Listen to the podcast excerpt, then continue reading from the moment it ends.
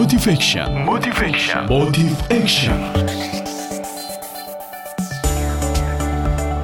Assalamualaikum warahmatullahi wabarakatuh. Mitra Muslim, dengan hadirnya berbagai aplikasi seperti Facebook, Twitter, Instagram, WhatsApp membuat kehidupan kita lebih mudah. Dengan Facebook, kita tetap menjalin silaturahim dengan teman sekolah yang sejak lulus entah ke mana.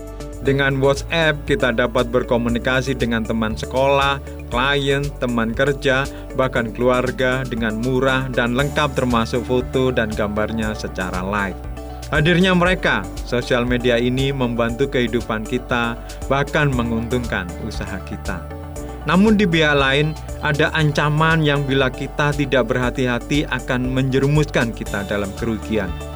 Lalu, Bagaimana kita bersikap terhadap sosial media ini? Pertama, ambil fungsi utama dari sosial media ini. Dengan kata lain, sucikan niat kita untuk menggunakan sosial media ini untuk kebaikan atau hal-hal yang berbau positif. Seperti pisau, sosial media tergantung niat yang menggunakannya. Misal kita gunakan WhatsApp untuk menjalin silaturahim dengan kerabat yang jauh tersebar di muka bumi atau kita gunakannya untuk mendapat informasi yang berguna. Lalu, kita gunakan Facebook atau Instagram untuk menunjang kepentingan bisnis kita. Atau kita gunakan Facebook untuk menyimpan catatan penting yang dulu kita lakukan saat masih muda dengan menulisnya di buku diari. Kedua, jangan membuat status terkait orang-orang yang masih berhubungan, yang masih bertemu dengan kita setiap hari misal teman sekolah, teman kantor, guru, dosen, pimpinan kita, tetangga, dan lainnya. Mereka, meski tidak berteman dengan Anda di sosial media, cepat atau lambat akan mengetahui status Anda terkait dengan mereka. Lebih baik tidak membicarakan mereka, meski dengan niatan yang baik atau hal yang positif. Ketiga, think before post Berpikirlah dahulu sebelum jari Anda melepas postingan di sosial media.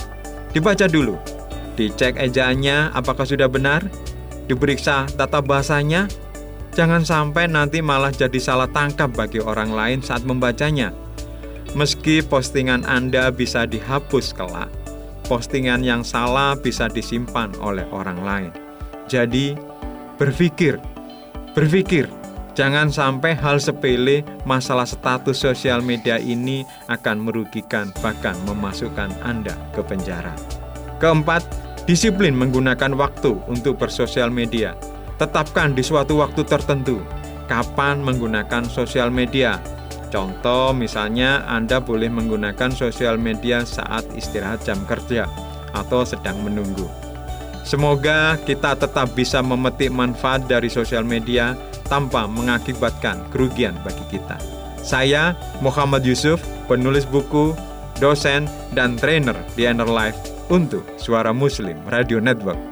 Wassalamualaikum warahmatullahi wabarakatuh.